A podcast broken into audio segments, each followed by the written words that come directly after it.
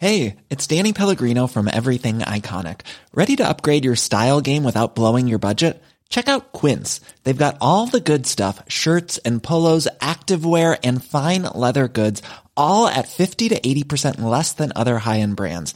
And the best part? They're all about safe, ethical, and responsible manufacturing. Get that luxury vibe without the luxury price tag.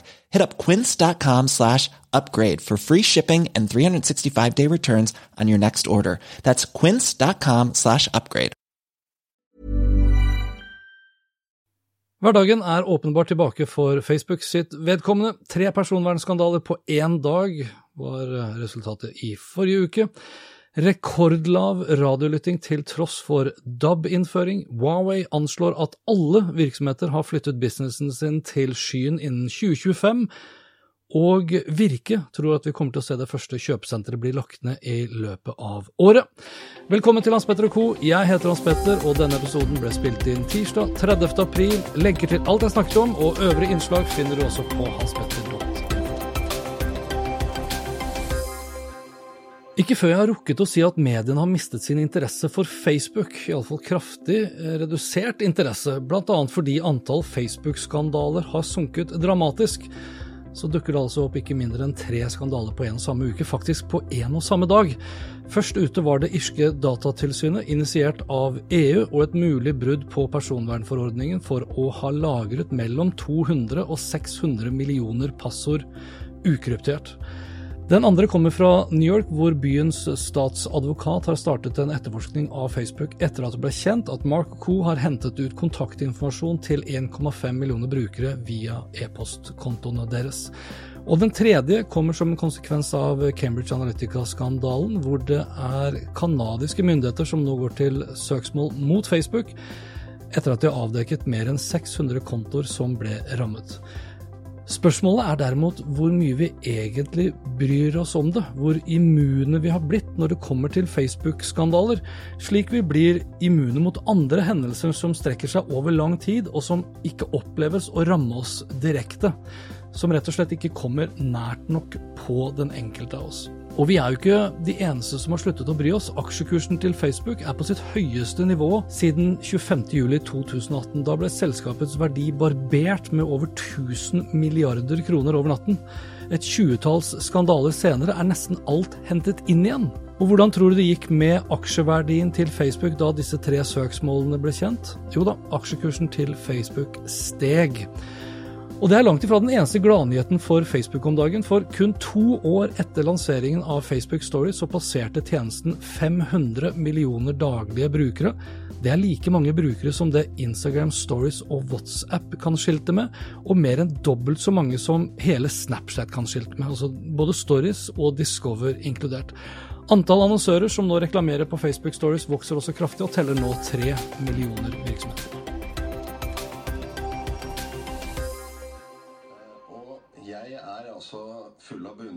Takknemlighet overfor hva publikum gjør nå. De eldste som du snakker om, har jo veldig stor grad kjøpt seg et nytt DAB-apparat. Så de skal gjøre en jobb, og så skal vi til gjengjeld levere det beste radiotilbudet som noen gang har vært levert.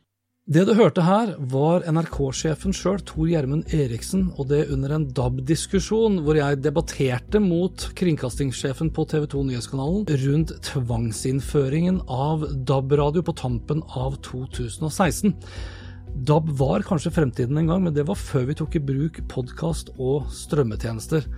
Det beste tilbudet noensinne, skilte Tor Gjermund Eriksen med. Og til Medier24 så forkynte han i begynnelsen av 2017 akkurat det samme budskapet, og la til, og jeg siterer, det er ingen tvil om at DAB fører til et mye bedre radiotilbud. De som sier noe annet, snakker mot bedre vitende. Så var det dette mot eh, bedre viten, da, og om tilbudet som sådan. Ville egentlig det norske folk ha DAB? Ville de ha, eller ville vi ha, flere radiokanaler? Ville vi ha et bedre tilbud, og var det DAB som skulle redde det norske radiomarkedet? Det ser ikke slik ut, iallfall ikke hvis vi skal tro den eh, mediebarometerundersøkelsen for 2018 fra Statistisk sentralbyrå, for aldri før har de målt en lavere andel radiolyttere, og aldri før en lavere lyttetid. Og selv om eh, snart hele befolkningen har en DAB-radio, 72 i 2018 mot 65% i 2017, så er det kun 38% av befolkningen som hørte på DAB-radio daglig i fjor. Til sammenligning hørte over 70% av oss på radio i 1991, før den stabiliserte seg på om lag 60% før den så begynte å falle igjen, parallelt med tvangsinnføringen av en radioteknologi og et radiotilbud som åpenbart ikke så mange egentlig ville ha. Og nedgangen stopper ikke der, ifølge Mediebarometerundersøkelsen. Antallet av oss som leser papiraviser fortsetter også å falle, dog ikke mye. Nedgangen er på fattige to prosentpoeng, fra 32 til 30% av befolkningen. Til sammenligning så var andelen papiravislesere i 1998, for 20 år siden, på over 80% fra 80 til 30% i tillegg opplever eh, også noen av landets største aviser at nettutgavene deres blir lest mindre. Både VG og Aftenposten har sunket, mens nrk.no og nettavisen.no øker. Og holdt på å si, mon tro om oppgaven til NRK skyldes det alternative nettstedet Resett, for i februar skrev Dagens Næringsliv at mediekritikk hadde blitt viktigere for Resett enn innvandring. Gjennomsnittlig skriver Resett en sak med ordet NRK i tittelen ca. annenhver dag, ifølge tall Dagens Næringsliv hadde hentet da inn. Og det er oftere enn avisen skriver titler om migranter eller islam. Her skal det kanskje legges til da, at de fleste gangene Resett skriver om NRK, det er alltid med et negativt fortegn, så handler det mest av alt om innvandring, flyktninger og islam. Og For ordens skyld så er det en hypotese fra meg. altså Jeg har ikke gjort en kvalitativ undersøkelse for å se om NRKs fremgang på nett skyldes Resett sitt NRK-fokus. Bare så det er sagt. Når det kommer til lineær-TV-titting, så er det fortsatt da de gamle som henger igjen. I 2012 var det over 80% av befolkningen som tok til takke med å se TV-programmer når de ble kringkastet. Seks år senere, i 2018, var andelen redusert til 55% Og blant de eldre så er andelen på nesten 90% blant de yngre ned på 33 og ikke overraskende, andelen nordmenn som bruker internett daglig, vokser til nesten alle. Altså 91 for å være nøyaktig, en oppgang på fattig 1 prosentpoeng. Samtidig øker tiden vi bruker på internett og sosiale medier betraktelig. Av dem som var på internett i løpet av en gjennomsnittsdag i 2018, var nesten tre av fire innom Facebook, mens 63% også hadde vært innom andre sosiale medier. Og det kommer vel heller ikke som en overraskelse at det er de yngre som er de mest ivrige brukerne av sosiale medier og internett generelt, Facebook inkludert. Selv om Aftenposten hevdet nylig at de unge hadde forlatt Facebook, og kampanje skrev at Facebook hadde blitt et gamlingsmedium på rekordtid, så har fortsatt nesten ni av ti unge mellom 18 og 29 år her til lands en Facebook-konto. Skal vi snakke om gamlismedium, så tror jeg det er mer riktig å peke på den gamle papiravisa, den gamle lineære TV-tittingen og den sinnssykt dyre tvangsinnføringen av DAB-radioen. Så får heller kringkastingssjefen mene at jeg snakker mot bedre vitende. Ved å satse som vi gjorde på DAB, ved å bruke såpass mange milliarder som vi gjorde på DAB, så kan du si, så var det ikke bare det at vi investerte i en kringkastingsmodell som helt klart internasjonalt, men også etter hvert nasjonalt, gradvis vil fases ut. Vi har også bundet oss opp til en svær og kostbar digital infrastruktur som tross alt skal vedlikeholdes. Men ikke minst det er ikke noen vei videre. Altså, Hvor skal du videre herfra, da? Når de aller fleste medieaktører går bort fra kringkastingsmodellen. Men når, også standarden sånn rent teknologisk heller ikke. Det er ikke mange andre land som har den. Dette er Altså, Norsk industri kan ikke gripe fatt i DAB og si nå selger vi masse DAB-produkter der ute. For verden snakker om 5G. De snakker om det neste trådløse mobilnettverket. Med andre ord, det vi gjorde, var å vidt, altså, det vi gjorde var å bygge en endeholdeplass istedenfor en holdeplass hvor vi kunne reise videre fra andre liv.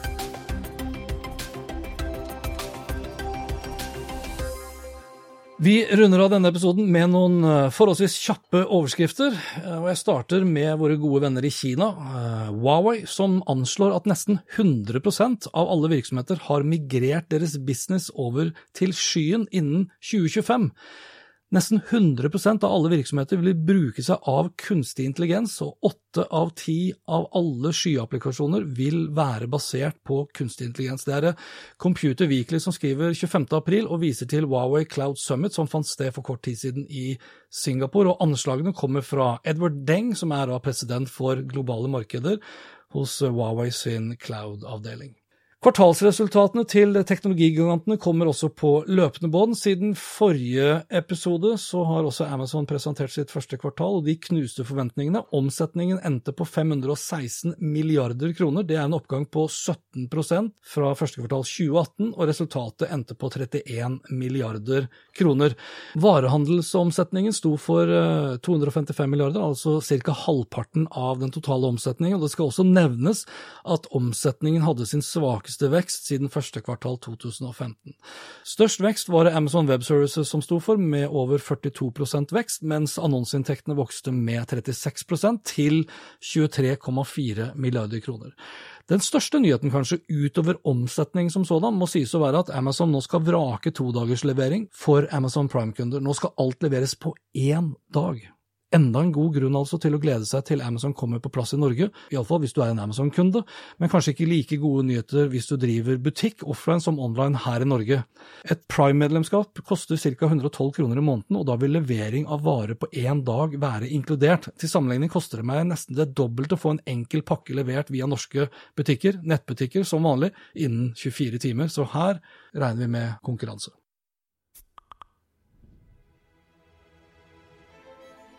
The potential is all there the people, the tools, the information.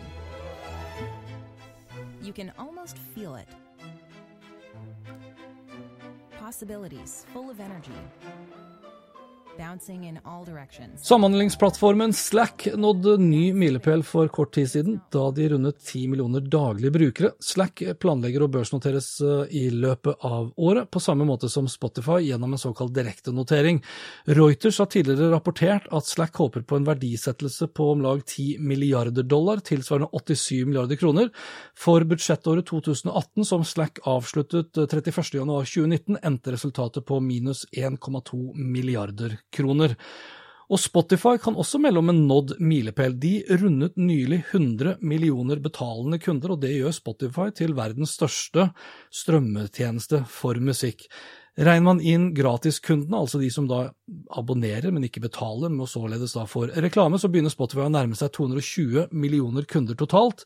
Omsetningen økte med 33% til 15 milliarder kroner. Samtidig økte tapet mer enn forventet. Driftsresultatet endte på minus en halv milliard kroner ca. Spotify taper med andre ord fem millioner kroner hver dag.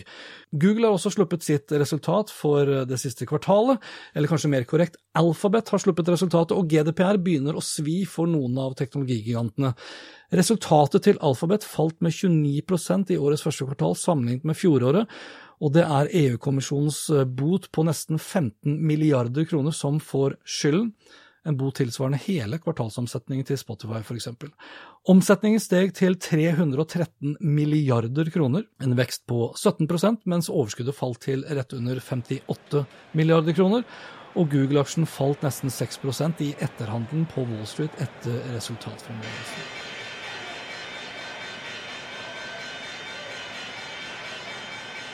Og mens vi registrerer rekordlav lytting av radio, til tross for milliarder på milliarder i DAB-investering, vokser radiolytting via nettet kraftig. Enten via smarttelefoner, men ikke minst via smarthøyttalere.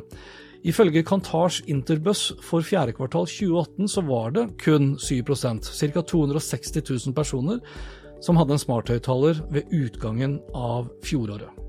Kantar antar eller anslår at andelen vil vokse til 15% ved utgangen av 2019. I USA tror Gartner at så mange som tre av fire amerikanere vil ha en smarthøyttaler i løpet av 2020. I Norge bruker vi først og fremst smarthøyttalerne til å spille musikk og høre på radio enten lineært eller i form av podkast. Og For kort tid siden så kjøpte svenske Spotify Gimlet Media og Anchor for å styrke sin posisjon og satsing nettopp på podkaster. Og de har ikke stoppet med det, for bare for noen få dager siden så kjøpte Spotify også opp Paracast for rett under 500 millioner kroner. Og nå svarer svenske Acast, som er en av de største podkastplattformene i verden, ved å kjøpe podkastplattformkonkurrenten Pippa, som bl.a. denne podkasten her er plassert interessert oss. I tillegg etablerer Acast seg i Norge og har ansatt Erik Bratland som salgssjef. For Bratland han har bakgrunn fra bl.a. Spotify og mediebyrået Karat. Jeg har snakket mye om de unge, at de unge strømmer mens de eldre fortsatt er lineære. Et annet kjennetegn ved de unge er at mye av innholdet strømmes og konsumeres på deres mobil. Og i den grad det er video eller bilder som konsumeres, så konsumeres det i store trekk vertikalt. Som Facebook eh, selv sier, produserer du innhold for deres plattform, så gjør det vertikalt. Det har også Samsung nå fått med seg. Altså at de unge, ofte omtalt som millennials, foretrekker vertikalt innhold. Derfor har de lansert en vertikal TV, dvs. Si en TV som kan skifte mellom det å være horisontal og vertikal. TV-en er på 43 tommer og blir levert med 60 watt lydeffekt. Og The Verge skriver at TV-en vil koste 1,9 millioner sørkoreanske van. IT-avisen skriver på sin side at det er en ekstrem pris, og har muligens bommet med et kommategn, for de skriver at 1,89 millioner koreanske van tilsvarer 142 000 kroner. Riktig pris er derimot 13 976 kroner på dagens kurs, altså ca. 14 000 kroner. Det er nok mer innafor, gitt at målgruppen er de unge. Selv om mange unge også er svært bortskjemte om dagen, så tror jeg svært få, om noen, hadde fått mamma og pappa til å bla opp 142 000 spenn for en vertikal TV. Nå skal det også sies at eh, IT-avisen skriver at lydeffekten på TV-en er på 6 watt. Det er også feil. Rett skal være rett. 60 watt til ca. 14 000 kroner og designet ser veldig, veldig bra ut. Så gå inn på aspetter.info, klikk deg inn på linken til The Verge, så får du rett informasjon.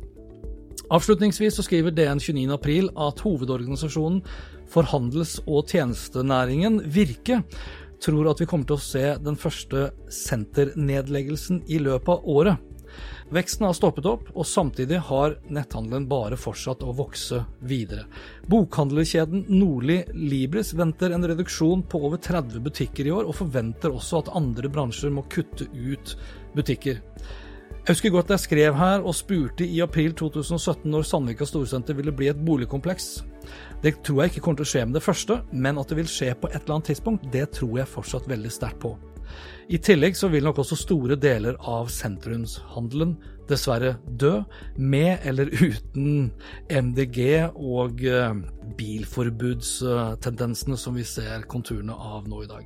Og med de oppmuntrende ordene om alt fra sentrumshandelsdød, kjøpesenterdød, butikkdød osv., så, videre, så runder vi av denne episoden. Liker du det du hørte, og vil forsikre deg om at du får med deg de neste episodene, vel, da vet du hva du gjør. Da abonnerer du på Hans Petter Co. på Apple Podcaster eller på Spotify, Google Podcast, Overcast eller TuneIn Radio eller andre populære podkastspillere. Inntil neste gang, vær nysgjerrig, for det er den beste måten å møte vår digitale fremtid på. Uh, bien flyr jo fra blomst til blomst. Eh, og snuser og lukter og ruller seg rundt i blomstene så de får støv på kroppen. Og, pappa, pappa, er jo også en kjempestor stor bie. Og eh, enkelte ganger når, når, når mamma, mamma, ligger, ligger og sover, så eh, snuser han litt på mamma. Og eh, hvis mamma våkner, så kan det være at pappa ruller seg litt på mamma. Er det pule du mener, mamma?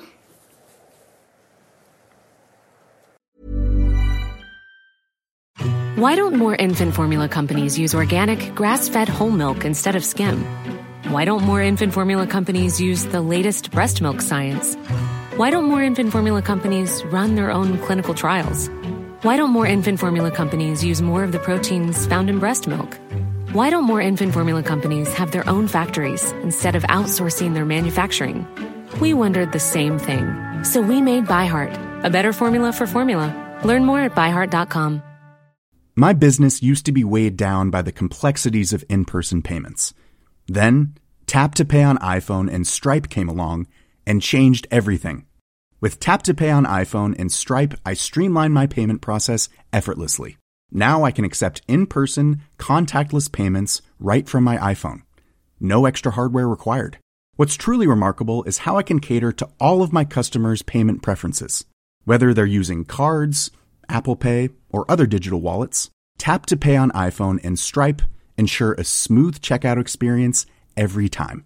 And it's not just me. Stripe helps businesses of all sizes, from local markets to global retailers, scale quickly, and stay agile. To learn how Tap to Pay on iPhone and Stripe can help grow your revenue and reach, visit stripe.com slash tap iPhone.